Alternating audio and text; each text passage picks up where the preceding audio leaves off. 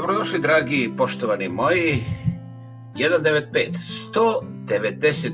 slama sa vama, samostalni, aha, ali i samoproglašeni, lingvistički aktivista, monumentalno autentični ja, pa ja, Vladimir Kreća sa predivnih stjenovitih planina. Danas malo vreme plova, bože moj, jer uh, COVID nas je zatvorio, idemo. Indijanci Inosanci nisu nikad bili stranci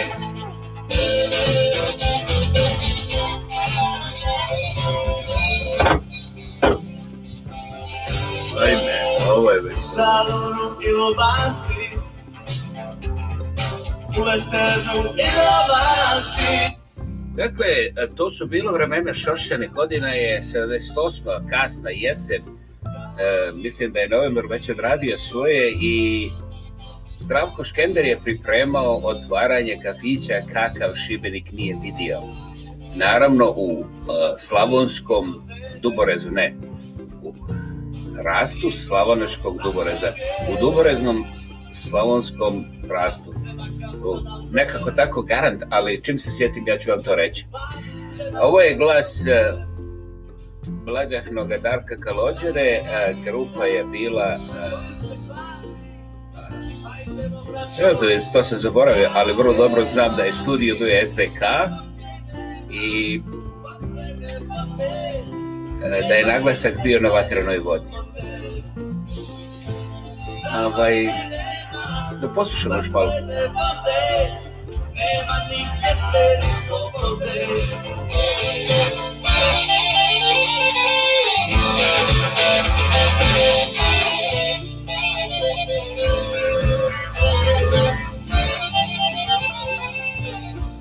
Dakle, nagradno pitanje je otkud indijanci i bosanci u Šibeniku i ja do dana današnjega ne znam taj odgovor, nije mi palo na pamet, palo mi je na život.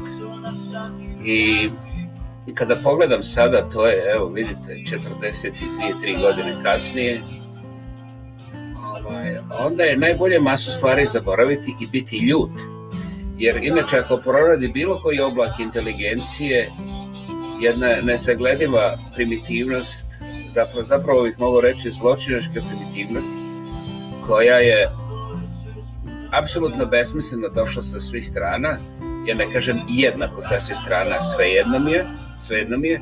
Znate, kad počne požar i izgori 10.000 hektara šume, kolika je važnost da li je požar sa zapada došao u većoj količini ili je sa sjevero-istoka došao u manjoj količini. Ovaj, ja to gledam iz pozicije onih sprženih šuma. Na isti način gledam sve ovo što se desilo tih zadnjih 40 godina s pozicije sprženih ljudi, ne političkih partija, ne granica. To me ne zanima. To ostavljam gospodi koje se s tim bave eh, tim umljačkim, takozvanim strategijskim pitanjima. Mada ja ovaj... Samo da propustim ovo. Salvate de va, guante de bote, de manifeste disco bote. Salvate de nema, guante ne bote, de manifeste disco bote.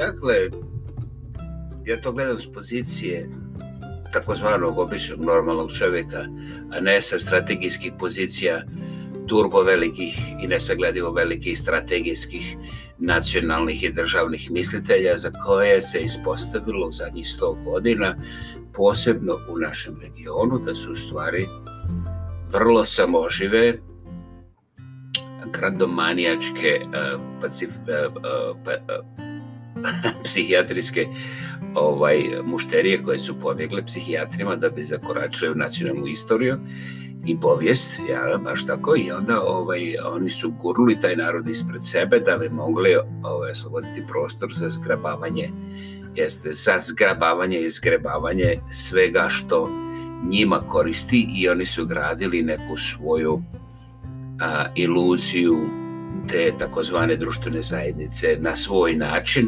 naravno životima i e, novcima svojih dragih sljedbenika u čije ime su sve to kao radili. Nema me ništa protiv toga. Evo vidite i ova pjesma govori ovaj, gdje nema vatrene vode, znači ako ne kupiš dovoljno alkohola nema ovaj, ni pjesme ni slobode i ovaj, ljudi pobjegnu u iluzije onoga momenta kada primijete da ih ha, niko više ne sluša, a bez obzira šta se desi neki od ovih jahača svemogućih od ih poganjati u ove ili one torove, pa onda oni odaberu tor koji izgleda ovako de luhe i onda smatraju da su pobjedili.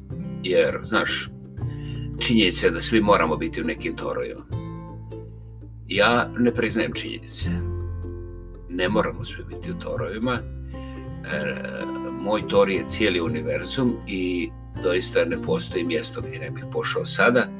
Jedino ovaj, da pošalje ovaj mask vasnilo nakon ne kome govorim, da bi pošalje kartu za neko od njegovih raketla pa da se prošetam okolo po ovoj bližoj svemirskoj okolici. Dakle, nevolja je što smo mi zacrtali torove i onda su oni tamo ružni, ovi su glupi, a naš tor nije tor, nego to je sloboda, e, svjetlost, demokracija i te stvari. Ah. ovaj, e, znate, ono što je najbolnije je da ljudi niti su rođeni glupi, niti su a priori kapacitet glupana, nego svi ljudi, vjerovali ili ne, ovo nije religijska niti politička platforma. Ovo je moje najiskrenije osjećanje, pa tek onda mišljenje, pa tek onda jedno životno iskustvo, jer sad o tome mogu govoriti, prešao sam 50 davno.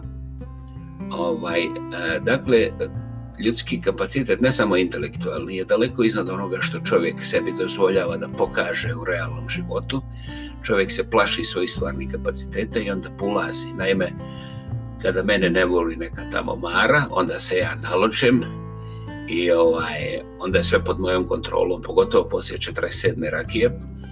I onda ja ovaj, iznosim svoju bol kao, na primjer, onaj tamo pjesnik. jedan pjesnik ili pjesnik? Dobro, u redu. Pljeskavica, daj još malo jednu.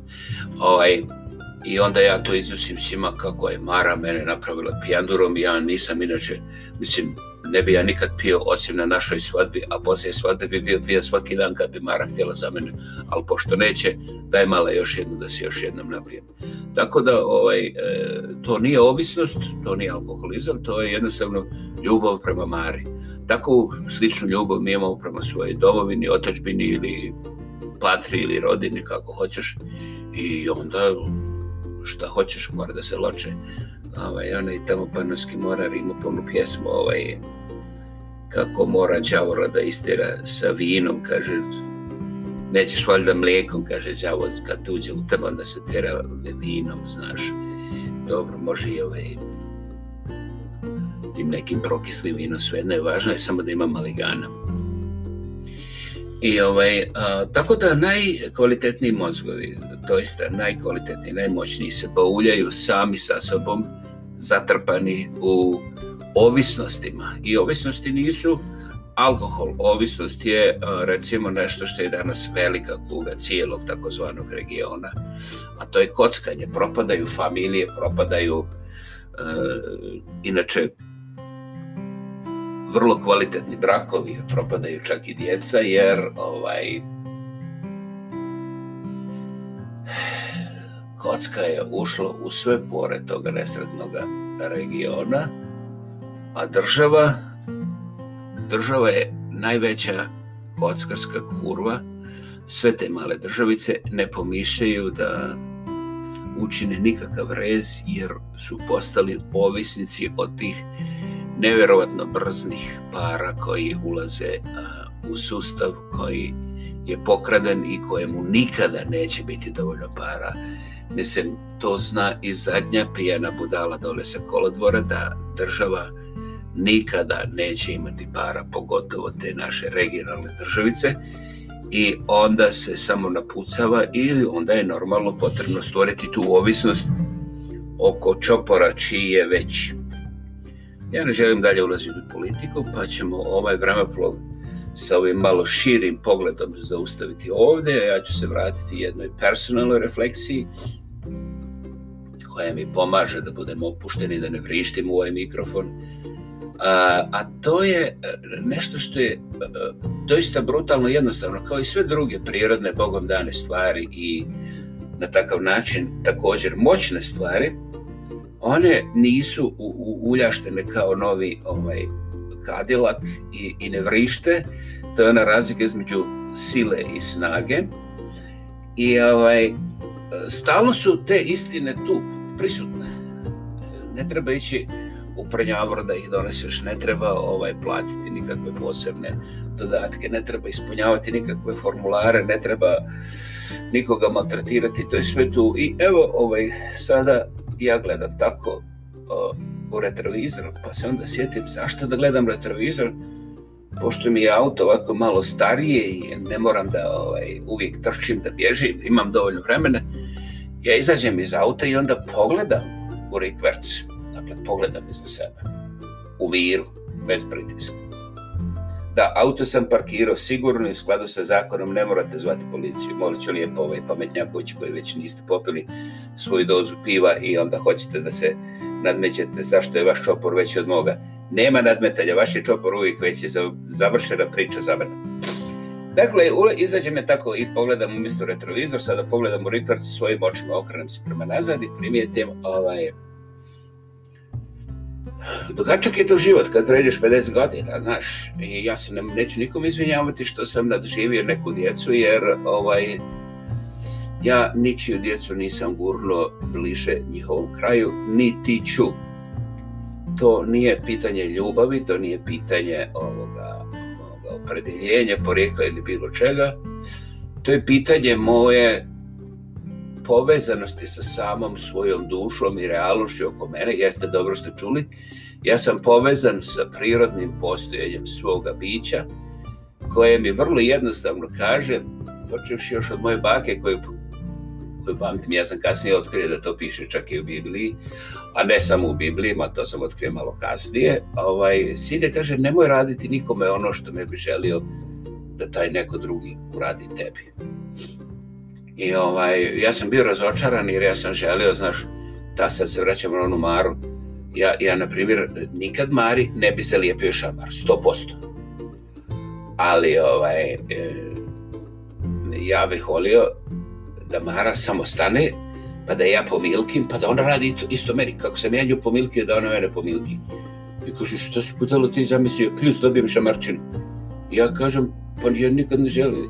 mrš tamo po pa pomenja materna i tako dalje.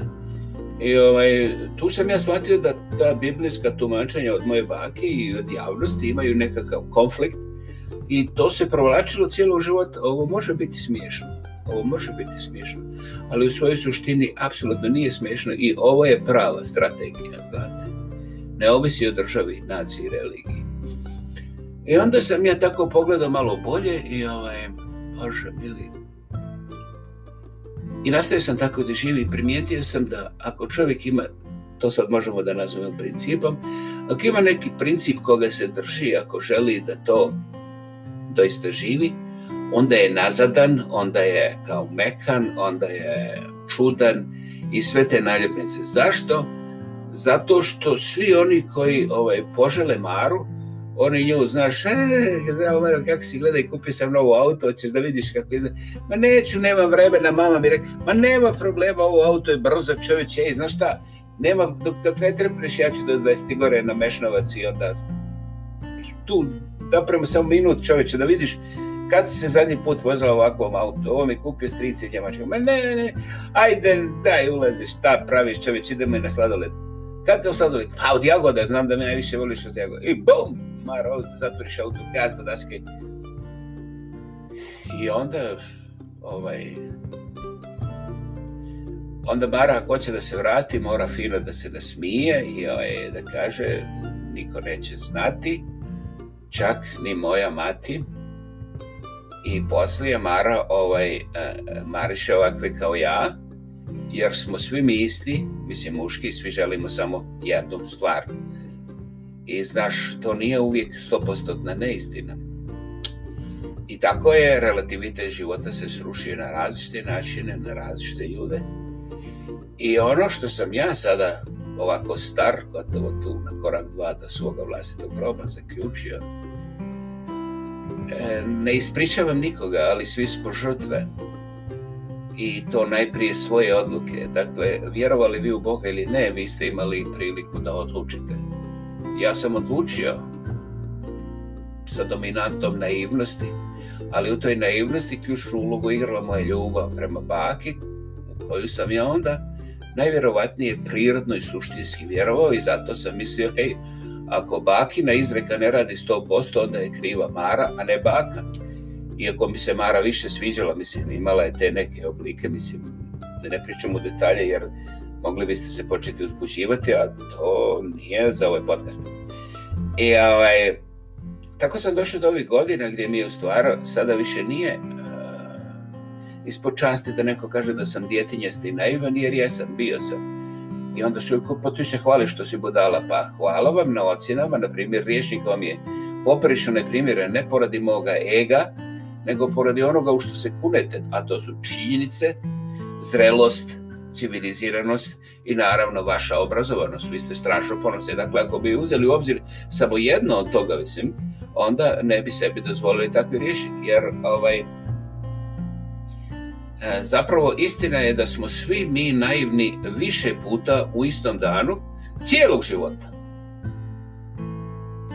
Činjenica je da u 95% slučajeva mi toga nismo apsolutno svjesni i da e, po rutinskom razvoju situacije odigramo nešto drugo što maskira tu naivnost i poentira tamo gdje nam je stalo. Mi smo u stvari u životu poprilično šuplji, ali šupljine se ne gledaju, nego se gleda na kraju dana. Znači, recimo ja sam ispalio, sad ću pretirati malo, ja sam išao sam u lov, treba, ja, mi, moja familija živi od lova. I ja sam išao u lov, ispalio sam, ovo ostajemo za malo kasnije, i išao je Pero sa mnom. Pero ne živi od lova i Pero je ovaj, donio kući pet patki. Ja sam bio sa perom na istom mjestu, ja sam donio kući dvije patke. I onda pero se sprda sa mnom kako sam ja kao profesionalac donio samo dvije patke. Ovaj, I to me ne pita ništa. Naravno da me neće pitati ništa. On me neće pitati koliko sam ja patki donio prethodnih pet dana. Da li su moji zamrzivači puni i da li sam ja već isporučio mojim kupcima 550 patki u ovih deset dana to neće biti. Nego će za sljedeći godinu dana stalno ponavljati da sam ja donio samo dvije patke, a on pet. To dokazuje da je njegova kita barem četiri puta veća od moje. ne nemojte logiku i matematiku, to ne vrijedi sa perom, a pogotovo ne sa patkama. dakle, tako je u svemu drugom. I ako vi hoćete otvoriti oči, onda će život postati lakši i primijetit ćete šta se radi, ali da bi to ferceralo, vi morate priznati sebi da ste i vi lažovi, da ste i vi naivni, da ste i vi ovaj, svakog dana, kako se to lijepo intelektualno kaže, popušili masu previda, promašaja i nezrelosti. I to je istina. I e, e, to nije istina zbog nekoga drugoga. To je istina zbog vas, jer e, mi svi gledamo naslovne stranice koje su uglancane i koje su urađene od tima ljudi koji ne radi ništa drugo. Nego samo pravi naslovnu stranicu da bi bila ljepljivo interesantna za svakog ako samo potroši i pola sekunda da to vidi recimo film, ličnost i tako dalje. I mi cijelog života živimo u iluziji da je to cilj kojem mi ovaj, moramo nekako se približiti i cijelog života uništavamo onu stvarnu ljepotu koja uopće nije sa naslovne stranice i to što uopće nije sa naslovne stranice, to je Boži blagoslov i to je zapravo esencija našeg života. Sad sam i ja počeo biti uzbuđen. E, šta sam o svoj, svojoj vlastitoj naivnosti htio reći e, kada sam je prepoznao i kada sam je prihvatio, ja nisam rekao, ej, gledajte ljudi na mene, ja sam naivan, pa sad vi ovaj se s tim sprodajte. Ne, ne, ne, ne.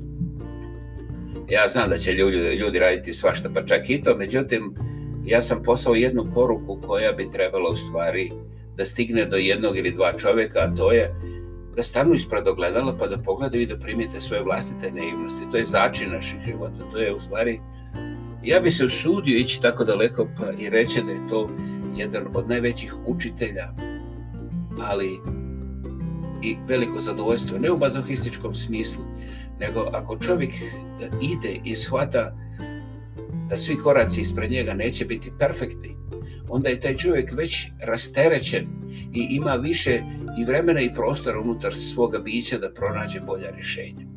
To je otprilike nekako grubo govoreći. 190 e, put, 195. put slama sa vama. ovaj, mislim da, da sam uživo sjećajući se vremena. Kompozicija koja ste, koju ste čuli nije kompozicija koja je objavljena ikada.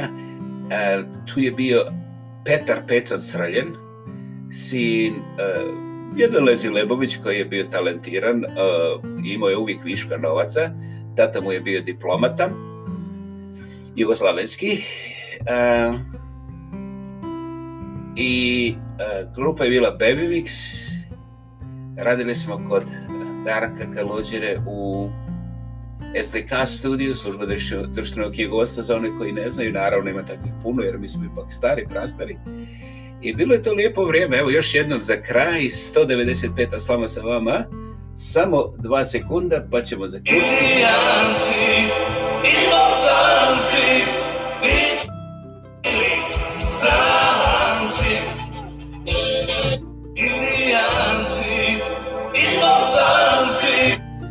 Da, nisu bili stranci, jedni i drugi su u svojoj zemlji bili gosti i potlačeni, ali e, neuništivi.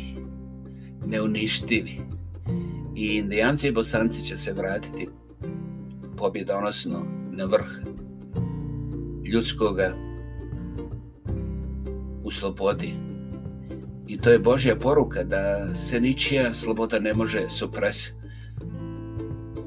pritiskati zauvijek. To je poruka vječnosti da ne možemo na prevari graditi nekakvu pobjedničku historiju ili povijest. Jer pobjedničke historije nema, no to je neka druga slama sa vama. Dragi moji, hvala što ste bili danas ovdje. Bio je, bio je ovo 195. put sa vama. Ja pa ja, ako bi drugi Vladimir Kreća sa predivnih stenovitih planina i kao i uvijek prije. Hvala. Čujemo se prije što se vidimo. Ćao!